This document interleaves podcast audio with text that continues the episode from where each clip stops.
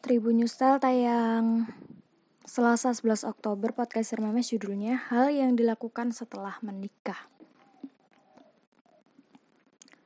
Tribunars menikah adalah salah satu tahap yang paling dinantikan oleh kebanyakan wanita.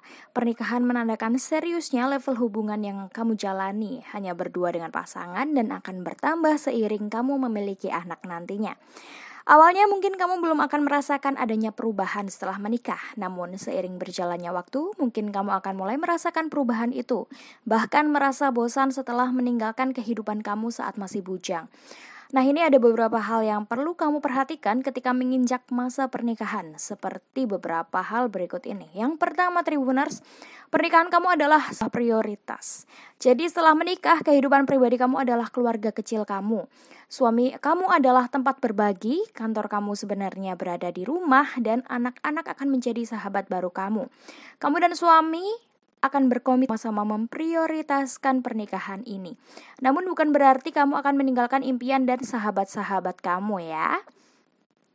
Kita tetap bisa bersosialisasi dan berkarir setelah menikah, namun jabatan sebagai istri dan seorang ibu adalah hal terpenting dan menjadi komitmen kamu saat ini. Begitu Tribuners. Yang kedua bukan yang dulu lagi. Artinya adalah kamu bukan yang dulu lagi. Kamu tetap menjadi kamu sendiri, namun ketika kamu sudah berkeluarga, kamu bukanlah sosok yang masih sering menghabiskan waktu pribadi di mall. Kini saatnya menjadi high quality wife, menyiapkan diri menjadi high quality mom, siap Siapkanlah diri kamu untuk hal tersebut dengan rajin browsing, membaca buku, berkomunikasi dengan sesama istri dan ibu, maka kamu akan menjadi high quality woman. Waduh keren banget kata-katanya ya. Yang selanjutnya being multitasking. Bersyukurlah bila sejak muda kamu terbiasa dengan banyak aktivitas, baik itu pribadi maupun bersama teman-teman. Karena kamu kini akan lebih sibuk di rumah dan berbagai kegiatan menyenangkan bersama anak dan suami kamu. Jangan anggap tugas kamu sebagai beban, ini adalah bagian dari proses belajar yang akan membuat kamu makin tangguh dan cermat setiap harinya. Yang terakhir, ketika bosan mulai datang, kita harus bagaimana Tribunars?